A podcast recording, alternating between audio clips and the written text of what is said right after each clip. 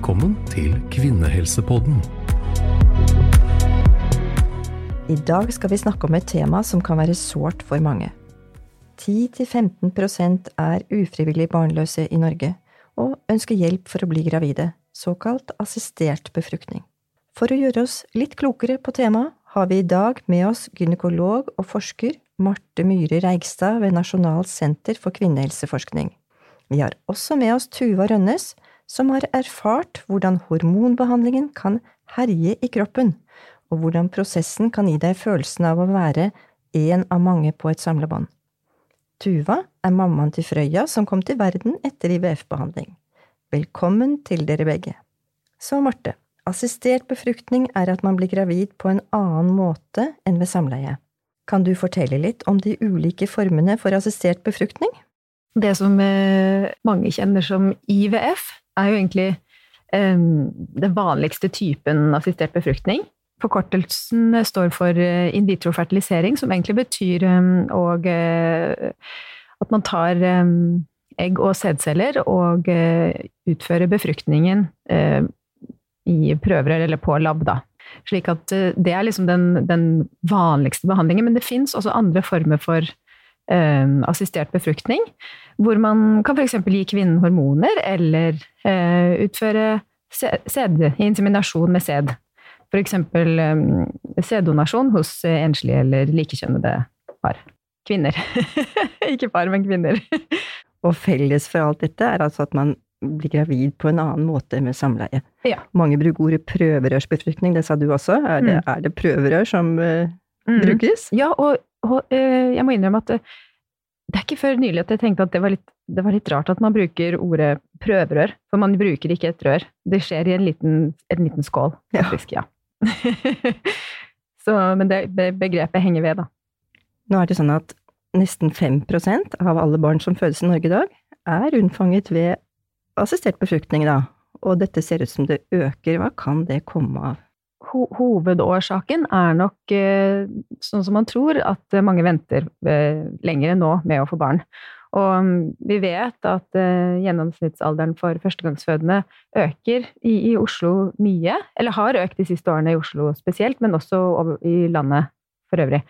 Og da går dessverre sånn at, det er dessverre sånn at særlig eggene går litt ut på dato. Jo lengre man venter, så blir de dårligere. Og da trenger man hjelp til og befrukte de. Det er det ene. Ja, mm. det var og, kvinnens egg.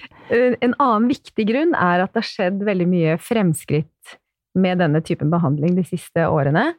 Og um, man lykkes med å behandle flere, og da søker jo flere til behandling. Det blir mindre tabubelagt, mer kjent for folk. Og heldigvis har også lovgivningen gjort at flere kan få behandling. Nylig ble det jo lov for eh, enslige og eh, likekjønnede par, og med eggdonasjon også. Og det gjør at eh, de kan få behandling nå også i Norge, da. Så mens man før kanskje ventet i mange år, så venter man nå kortere tid? Er det det du mener? Det tror jeg også, ja. ja. Mm -hmm. Det sagt så tror jeg også fortsatt det er underbehandlede grupper, altså. Jeg tror kanskje um, det er fortsatt mange som ikke søker hjelp. Ja, mm. Kanskje litt det, avhengig av bosted og kultur. Ja, ja det tror jeg mm. absolutt. Mm. Jeg vet ikke helt om det fins tall på det, men jeg tenker det, kanskje. Du sa dette med kvinner og alder, men eh, er det andre årsaker til at man ikke blir gravid når man ønsker det? Ja, du tenker sånn generelt for, ja. for et par. Ja. Så pleier sånn veldig skjematisk å dele opp i tre, eh, hvor en tredjedel ligger hos kvinnen, en tredjedel av årsakene ligger hos mannen, og så er det en tredjedel hvor det kanskje er noe litt, litt rusk hos begge. Ja. Og så er det en 10 kanskje til og med flere, hvor man ikke helt finner årsaken. Ja. Hos mannen, da? Du sa litt om eggene til kvinnen, men mm. hos mannen, hva er det som kan være da? Ja, hos menn så kan man også sånn veldig skjematisk dele opp kanskje i, i to. Det ene hvor det gjelder produksjon av sædceller, og det andre hvor man tenker seg at transporten ut er et problem. Det første eh, eh, årsaken, det med produksjon, eh, kan være mulig å gjøre noe med. De vanligste mm, årsakene til det er eh, eh, medfødte tilstander hos gutter. Ikke så lett å gjøre noe med, men, men, det kan, um, men, det kan føre til redusert eller dårligere sædproduksjon. For eksempel um, eh, det som vi på medisinsk språk kaller kryptorkisme, men som jeg ikke husker hva heter på, på vanlig språk. Husker du? um, når testikkelen ikke kommer helt ned i pungen på gutter, når de er små eller nyfødte, så, så, vi, um, så skal de behandles med å, å, på en måte finne den testikkelen fordi den er trukket opp i lyskekanalen, og dra den ned i pungen. Og så fester man den der med et lite sting eller to. Ja. Det kan gi eh, redusert eller vel, eh, dårlig eh, sædproduksjon. Andre årsaker til dårlig sædproduksjon kan være bruk av medisiner eller hva skal vi si, andre typer substanser som ikke eh, Jo, de er vel lovlige, men anabole steroider, for eksempel. Og veksthormon også. Hos menn hvor det er transportproblem, så kan man hente ut sædceller fra pungen. Og det kan være veldig sånn oppløftende for mange menn da, som har da kanskje helt ingen sædceller i sædprøven. Så kan man få en, hen, fortsatt ha mulighet til å hente ut egne sædceller fra testiklene hvis, hvis det er et uh, transportproblem. Og så tilbake litt til kvinnen, fordi det kan jo være andre årsaker hos kvinnen enn eh, gamle egg. Kan du si noe om det? Å dele opp det er kanskje, kanskje litt mer komplekst, men eh, hovedårsaker hos kvinner eh, Det kan være mange forskjellige ting, men hvis, hvis ikke det dreier seg om liksom, gamle eller eldre egg, eh, så kan det være eggløsningsproblem, f.eks. ved eh, en tilstand som heter PCOS, som vi kanskje kan komme litt tilbake til. Mm. Um, hvor eggene liksom er der, men de løsner ikke helt. Så da må vi liksom stimulere de litt for å komme løsne, eller at vi kan hente de ut. Um, og endometriose er en sånn kjent årsak til infertilitet hos, hos, noen. Så kan det også være noe med egglederne, at de kan være ja. tette. Ja. Mm. Var det kanskje mer av før, men det er ikke så aktuelt nå? Nei, det, det, det det er kanskje litt mindre vanlig nå, for at man behandler Man er flinkere til å behandle f.eks. klamydia og disse bekkeninfeksjonene som man hadde før i med gonoré og sånn, er ikke så vanlig lenger. Nei. Men det er jo tilbake til det samme som med menn, at det er liksom enten produksjonsfeil eller problemer, eller transport. Og der egglederen er transportproblemet. Så hvis et par da skal gjennomgå assistert befruktning, kan du ta oss litt gjennom hvordan er gangen i det? Mm. Så hvis man skal gjennom eh, in vitro-fertilisering, så er jo målet med den behandlingen å få et friskt barn eh, med så lite hormonstimulering som mulig. Så da er det å gi eh, Istedenfor å gi eh, sånn som ved en vanlig eggløsning, at man har ett egg som modnes og befruktes ved eh, samleie, så forsøker vi å gi kvinnen eh, mange modne egg på en gang for at vi skal kunne gjøre befruktning på mange egg samtidig i laben, sånn som jeg nevnte i stad, eh, uten at vi skal gå gjennom så mange runder. Derfor gir vi ganske sånn bra dose med hormoner, slik at hun modner mange egg istedenfor ett egg på en syklus. Og så henter vi de ut uh, via skjeden, faktisk, med en lang og tynn nål, som ser litt skummel ut, men som egentlig pleier å gå veldig fort og greit. Eh, og mm, befrukter eggene med en sædprøve fra mannen, som leveres samme dag. Ja. Når man tar ut eggene, så prepareres de samtidig med at sædprøven på en måte gjøres klar og vaskes litt og prepareres klar. Og så befruktes eh, egget i en liten skål, sånn som vi nevnte, eh, og settes i en inkubator. Og der står det i 37 grader i tre til fem dager og blir nøye fulgt med og observert eh, før det tilbakesettes i livmoren til kvinnen, da, enten på dag to til tre eller på dag fem. Og så blir hun gravid, da, forhåpentligvis. Ja. Da må man vente, vente og ta en gravidtest etter hvert. Ja. ja. Um, du sa hormonbehandling. Er det sånn at alle må ha hormonbehandling når de skal ha prøverørsbefruktning? Ja, det er egentlig sånn. Ja. Hvor stor er egentlig sjansen for å bli, for, bli, gravid på første forsøk? Hva vil du si? Hvor lenge må man forresten vente før man kan eh, komme til prøverørsbehandling? På eh, OUS nå, som er der hvor man kan få offentlig eh, behandling i det offentlige helsevesenet, er det varierer det litt, men de har en halvt års ventetid, stort sett. Og da har man prøvd kanskje et år på forhånd? Ja, altså, per definisjon så har man liksom et år som en sånn Man bare har prøvd et års tid for å bli gravid, men um, er man um, over 35 og nærmer seg 40, så, så, bør man kanskje tenke på dette litt før, eh, før det er gått et år. Noen sier jo at de som ikke blir gravid etter første tre til seks månedene, um, har liten sjanse for å bli gravid det neste halvåret. Altså enten blir du gravid fort, eller så er det en eller annen For de som er over 35, eller gjelder det alle? På en måte er det jo over For de som er over 35, så er det, haster det litt. Mm. Men for de unge så er det jo også litt, litt rart. Er du 25 og blir ikke gravid etter et halvt år, så er det kanskje også grunn til å tenke at her burde det gå kjapt. Så, så kan det være noe. Mm. Forberede seg litt. Mm. Ja. Men tilbake til spørsmålet hvor stor er sjansen for å bli gravid um, på første forsøk, da? Har dere noe tall på det? Det varierer veldig ut fra hvilken gruppe man ser på, men, men alder betyr nok aller mest. Og for, for, par som er under 35, kanskje 30 50% sjanse for å bli gravid. Er man um, rundt 40, er kanskje sjansen nede i 15-20% og over 43 så er man nede på femtallet på første forsøk, men så kan man jo ha flere forsøk, da. Ja. ja. Mm. Jeg jobber jo med fødsler, og vi ser at um, mange av de som blir gravide etter prøverørsbehandling, um, de um, føler at dette svangerskapet kanskje er litt ekstra verdifullt, eller er ekstra sårbart. Er det sånn at når man først er gravid, skal man ha noe ekstra oppfølging, eller regnes det da som helt friske kvinner?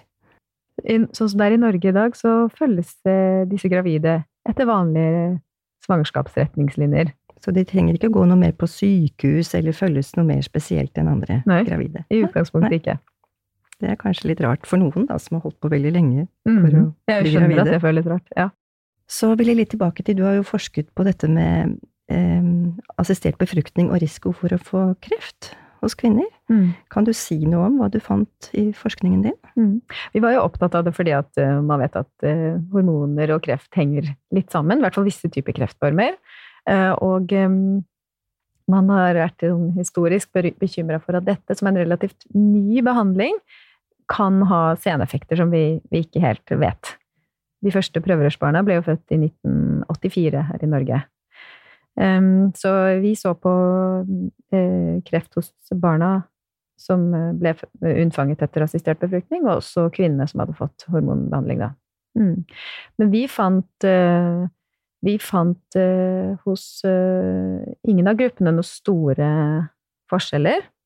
men vi, vi så Godt å høre. Ja, det var veldig bra. Og det var jo det vi Vi var fornøyde med å kunne liksom utelukke. Også i noen undergrupper så så vi litt, litt økt risiko, men blant annet hos kvinner som hadde fått behandling for lenge siden. Altså de eldste kvinnene, de hadde litt økt risiko for brystkreft. Ja. Mm. Mm. Dette er ikke gjenfunnet i internasjonale tall. Så mm, ikke for bekymra for det, egentlig. Og barna? Hos barna så uh, fant vi ingen økt risiko for um, kreft, men det var veldig få barn. Det er jo veldig, veldig sjelden med barnekreft. Hvis man snakker om risiko for å utvikle kreft innen ti års alder, så er den uh, fem på 10 000 for et barn. Og den ble økt til åtte på 10 000 for IVF-barna. Så det var en veldig liten risiko i utgangspunktet. Det er veldig lite, det, men det er jo veldig trygt å høre at det blir forsket på og fulgt med, i og med at det er så mange som nå får denne behandlingen, da. Og nå snakket vi akkurat om dette med kreft, men eh, hva vet du ellers om risikofaktorer for de som må gjennomgå en sånn hormonbehandling, som jo er jo for så vidt omfattende? Det man har tenkt, er at de, de uh, stimuleringsrundene hvor man får mye hormoner og mange egg, at da får man en sånn overnaturlig høy produksjon av progesteron og østrogen, som er disse kvinnelige kjønnshormonene, og at det kan føre til liksom, forandringer i et eller annet, enten i svangerskapet eller gjøre noe med fysiologien i et svangerskap. For det var det du tenkte ikke sant, i forhold mhm. til graviditeten. Mm -hmm. um, uh, og man har, man har, sett i uh, studier både i, ja, fra flere andre land at det er litt økte risiko for en, noen utfall i svangerskapet. Man, man, kan jo si at gjennom, gjennom, de siste årene så har man sett f.eks. økt økt forekomst av tvillinger blant IVF-gravide. Men, men, det har gått ned med årene. Det var jo fordi at man i starten, for å øke sjansene for en graviditet, satt, pleide å sette inn to, kanskje til og med tre embryo av gangen. Det gjør vi i mindre grad nå, og forekomst av tvillinger har, har gått ned blant IVF-gravide. Men øh, når det gjelder disse andre små risikoøkene man har sett i forhold til svangerskapsforgiftning og svangerskapsdiabetes, for eksempel, så, så, tenker jeg at der er man Der vet vi ikke om det er disse kvinnene som i utgangspunktet er kanskje litt eldre, kanskje har en sårbarhet fra før, eller om det er selve behandlingen som betyr noe. Jeg tror jo heller at det er det første enn selve behandlingen. Jeg tror det vi driver med, er ganske trygt, da. Det høres betryggende ut. Vi har jo snakket om blødning før i en episode, og ehm, det er vel en av de eh, risikofaktorene at man kan blø litt mer ved fødsel. Det har eh, mm. Silje, som har vært her før, snakket om. Ja. Kan du si noe om barna? Eh, en ting mm. var kreft. Er det, blir de som andre barn? Er det noe, mm. blir de større eller mindre? Er det noe andre, noe du kan si om det? Ja, de ser ut til å gå veldig bra med de. Ja. Mm. I starten var, var, man veldig opptatt av det. De tidligste prøverørsforsøkene tok man jo faktisk fostervannsprøve av alle graviditetene etter IVF for å se er dette virkelig et ekte, fint, friskt barn. Og det, det er de. Man har sett I senere år har man sett mye på disse ny, nyfødtfaktorene som fødselsvekt og altså for tidlig født og sånne ting, som ser ut som det går veldig bra med, men også senere i livet. Um, helse i forhold til både um, lærevansker, um, psykiske problem og det som vi kaller somatisk helse, dvs. Si infeksjoner og allergi. Og det ser ut til at det går veldig bra. Men det er fortsatt ennå litt tidlig. Og eh, de, først nå at de første prøverørsbarna begynner å bli voksne. Så det er viktig å følge med på videre. Det er jo veldig betryggende, da, å vite at det blir forsket på. Mm. Det er vi det er glad for. Nå har vi hørt mye av hva Marte forteller, og nå skal vi over og snakke med Tuva. For du er en av de mange kvinnene som har fått hjelp til å bli gravid. Du er mamma til Frøya, som eh, kom til verden etter IVF-behandling, og da kunne vi ønske at du tok oss gjennom den prosessen da du fikk vite at dere skulle få hjelp til å bli gravid. Hva var det som Hva måtte du gjennom da? Ja, um, jeg hadde fått vite at jeg hadde PCO før jeg prøvde å bli gravid, så jeg hadde en liten advarsel om at det kunne hende jeg måtte bruke litt lengre tid. Du sier PCO, da tar vi det med en gang, Marte. Kan du si litt hva PCO er for noe? det er en uh, tilstand hvor, hvor eggstokkene uh, produserer mange egg, men de har litt, lett, litt vanskelig for å komme ut og gi slipp. Så man får gjerne en uh, veldig sånn sjelden eggløsning. Og um, i tråd med det så kan man få en liten hormonforstyrrelse som gjør at man også kan få litt sånn økt nivåer av mannlige kjønnshormoner Eh, at, at hormonbalansen er litt forrykket. Og det henger i hop med eggløsningen også, sånn at de eggløsningene liksom kommer ikke helt ut når de skal. Og det kan være veldig vanskelig å bli gravid fordi man, man ikke treffer eggløsningen når man skal, da. Man må jo ha samleie når, når man har eggløsning. Ja, da vet vi litt om det. Og da var du litt forberedt på, kanskje, at det kunne bli litt vanskelig å bli gravid? Ja, det var jeg. Så jeg, når vi hadde prøvd i ca. et halvt år, tenker jeg, så tok jeg kontakt med min fastlege, som henviste meg videre til gynekolog, for å sikre at jeg kom i gang hvis jeg trengte hjelp, da. Um, så som ble nevnt tidligere, så tar ting litt tid, så jeg måtte vente litt for å få time hos gynekolog først. Um, og da begynte jeg med en litt sånn enkel hormonbehandling, med noen piller, uh, for å sikre at jeg fikk eggløsning. Um, og hadde egentlig hatt ganske jevn eggløsning hele veien. Um, men for å liksom sikre forutsigbarheten i det, da, så fikk jeg liksom enkel hormonbehandling først. Det var hos, eh, hos gynekolog. gynekolog ja. um, og så, etter ikke veldig lang tid, så ble jeg henvist til Rikshospitalet. Og så er jeg litt usikker på hvorfor, men eh, jeg fortsatte hormonbehandlingen på Rikshospitalet. Og om det skyldtes eh, kapasitet hos gynekologen min eller på Rikshospitalet, det er jeg litt usikker på, for jeg har hørt om flere andre som har fått samme type oppfølging hos gynekolog istedenfor på sykehus. da. Um, men jeg kom nok litt, jeg slapp litt uh, unna køen på Rikshospitalet også fordi ren hormonbehandling er ikke så tidkrevende eh, som eh, IVF. Så jeg fikk begynne der. Og da ble det litt heftigere løp med sprøyter. Jevnlige kontroller for å sjekke både at ikke det var mer enn ett egg som modnet, men også for å sjekke liksom, akkurat når, når, det kom. Um, med eggløsningssprøyte og en mye mer sånn klinisk prosess. Da var jeg på kontroller kanskje annenhver dag når det nærmet seg eggløsning. Og så fikk jeg beskjed om å sette en sprøyte og gå hjem og prøve å lage et barn mellom klokka sju og klokka ni. Hvordan var det å sette sprøytene? Um, det var eh, tungt i begynnelsen. Litt sånn skummelt. Um, og det, det, gikk seg veldig fort til. Jeg husker veldig, I starten så var det veldig liksom, rigget til hele badet, alt var sterilt. Jeg måtte ha hjelp av samboeren min til å sette sprøytene. Det var litt sånn rituale. Um, og så gikk det seg fort til. Um, mot slutten så sto jeg på do på et utested om kvelden og satt med våtservietter og antibac og satte sprøyta selv. sånn at jeg ble veldig fort vant til det. Selve prosessen med å sette sprøytene. Men det som var krevende med det, var at uh, det tar mye plass i livet. Jeg prøvde å være veldig bevisst på å ikke la dette liksom gjennomsyre alt og leve livet mitt videre. Men det er vanskelig når du både må huske å sette sprøyter på ulike tider av døgnet. Sprøyta måtte ligge kaldt, den kunne ikke være ute av kjøleskap mer enn så og så mange timer, så jeg måtte alltid planlegge at jeg dro hjemmefra seinest sånn og sånn i forhold til tidspunkt for å sette sprøyter. Sånn at det tok, det tok veldig mye plass, og gjorde det veldig vanskelig å ikke ha så mye fokus på det. Så den biten sånn mentalt var litt eh, krevende.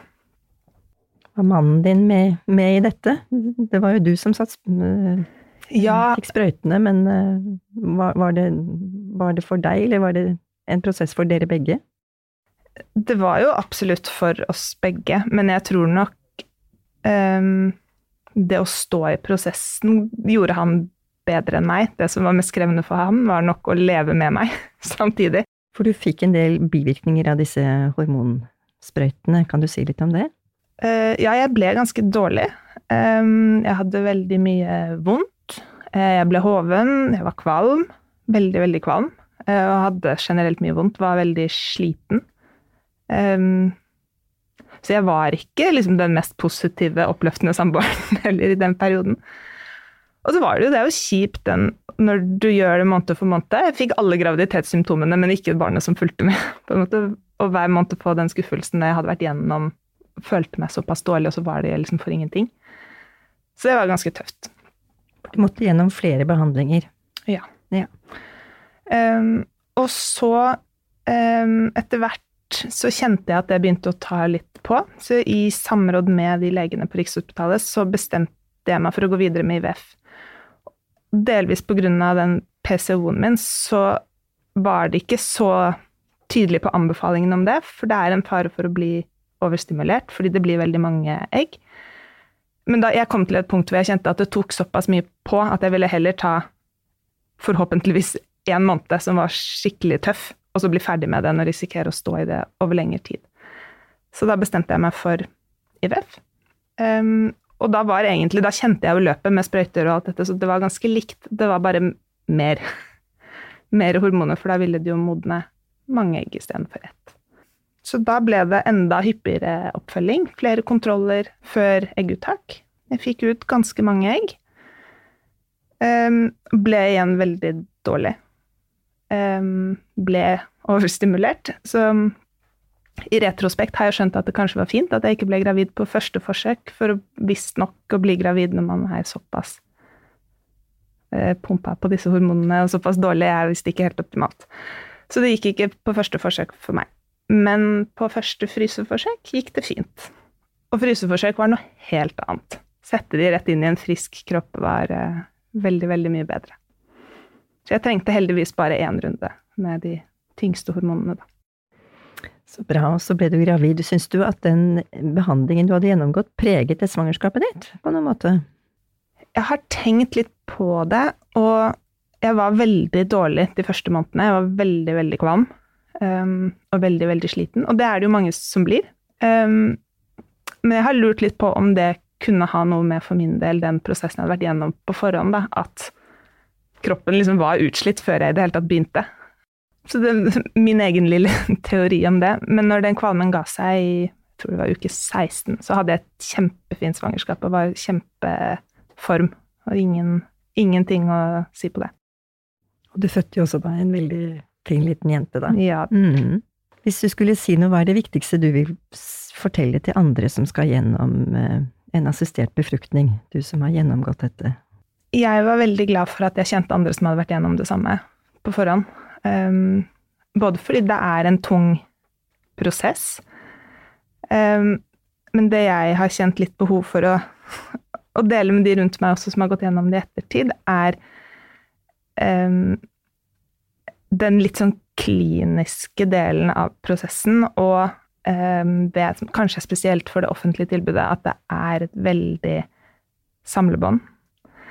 Um, jeg møtte en veldig veldig fin sykepleier første gang jeg var inne um, på Rikshospitalet, til en samtale hvor jeg fikk litt informasjon. Og så vet jeg ikke om alle får den samme informasjonen, men jeg husker veldig godt at hun var veldig tydelig på at legene har lite tid, det går fort.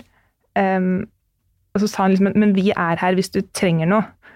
Eh, og at sykepleierne var tilgjengelige. At det fins folk der du kan snakke med og stille spørsmål, men når du er inne på kontroll, så er kanskje ikke legene den personen. Og bare det å vite på forhånd at nå er det ikke nødvendigvis trøst eller lange samtaler, eller at litt akkurat um, prosessen er Da er du en av mange, og har opplevd leger som nesten ikke har sett meg i øynene eh, under en kontroll, og så har det gått veldig, veldig fort. Um, men da har det hjulpet å bare være forberedt på det på forhånd. At Um, det er trøst å få, men det er ikke der du skal forvente det. på en måte. Um, og bare det at prosessen er ganske klinisk, selv om det er tøft å stå i selv. Ja, det tror jeg er veldig viktig informasjon du har da til Mm. Eh, de som skal, både skal gjennom det, og som har vært gjennom det, at dette er sånn man føler seg. Du jobber jo med dette, Marte. Eh, kan du si noe om, om det Tuva forteller?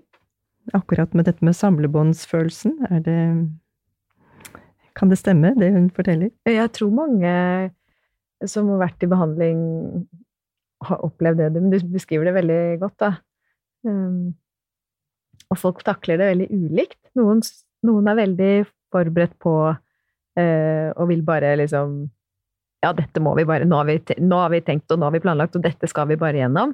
Mens eh, for andre så er det mye emosjoner. Så er det jo sånn at jo fortere det går, jo flere får man gjennom. Det er jo faktisk et uh...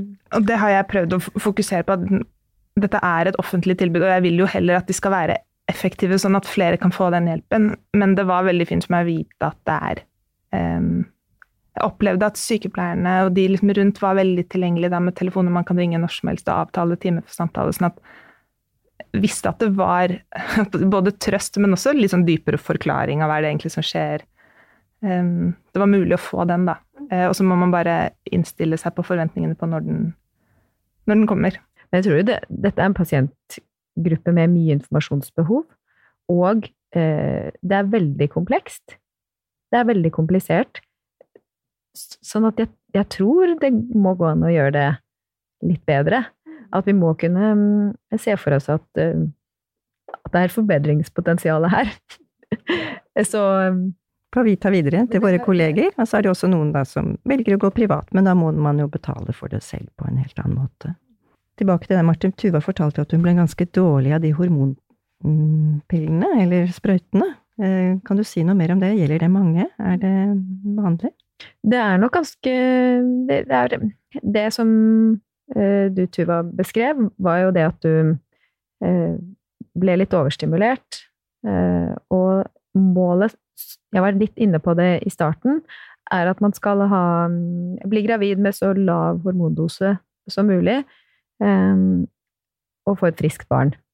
Eh, så eh, Men, men 2-3 får en sånn såkalt overstimulering. Eh, Det er iblant vanskelig å forutse, men man er blitt bedre på det eh, de siste årene eh, for å prøve å unngå det. Det er så uheldig. Og iblant fører det til at man da ikke kan, som du var inne på, få satt tilbake et egg. For at man blir enda dårligere da, eller kan bli enda dårligere da ved å bli gravid på toppen. Så ja, 2-3 prosent kanskje. Mm -hmm. Og en del har jo litt sånn, det du også beskrev veldig godt, sånn hormonelle bivirkninger og liksom føler seg veldig oppblåst og stinn. Men, men jeg syns også ganske mange har det greit. Ja. Det er også godt å vite, da. Mm. Tuva sier at hun egentlig aldri har fått helt svar på hvorfor hun måtte gjennom eh, denne prosessen, hvorfor hun ikke kunne bli gravid på egen hånd. Gjelder det mange? Det er en del som ikke klarer å helt, eh, forklare, og årsakene der ligger nok i um, der hvor eggene og sædcellene ikke Der hvor eggene ikke lar seg befrukte, hvor det er det som heter befruktningsproblemer, der vet vi lite ennå. Og et annet område som også forskes mye på, og vi prøver å finne ut mer, er eh, det å Når det har utviklet seg til en fin eh, dag fem embryo, eller dag to eller tre embryo, hvorfor ikke det blir sittende i livmoren? Hvorfor ikke det fester seg? Og det kalles implantasjonsfeil.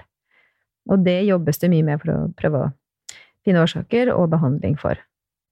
Så det er ennå mye vi ikke vet, og kan behandle. Ja, tusen takk for at du kom og delte den historien din, Tuva. Det var lærerikt. Og tusen takk til deg også, Marte, som kan så mye. Takk for at du delte av din kunnskap om IVF. Så håper vi nå at dere alle har blitt litt klokere om dette temaet, som faktisk er ganske vanlig av dere som hører på. Takk for i dag. Vi vil gjerne få tilbakemeldinger fra dere lyttere om det er noen temaer dere vil vi skal ta opp i podkasten. Er det noe dere lurer på eller savner informasjon om? Send oss gjerne en mail til kvinnehelsepodden at os-hf.no. Dere kan også kontakte oss på Instagram.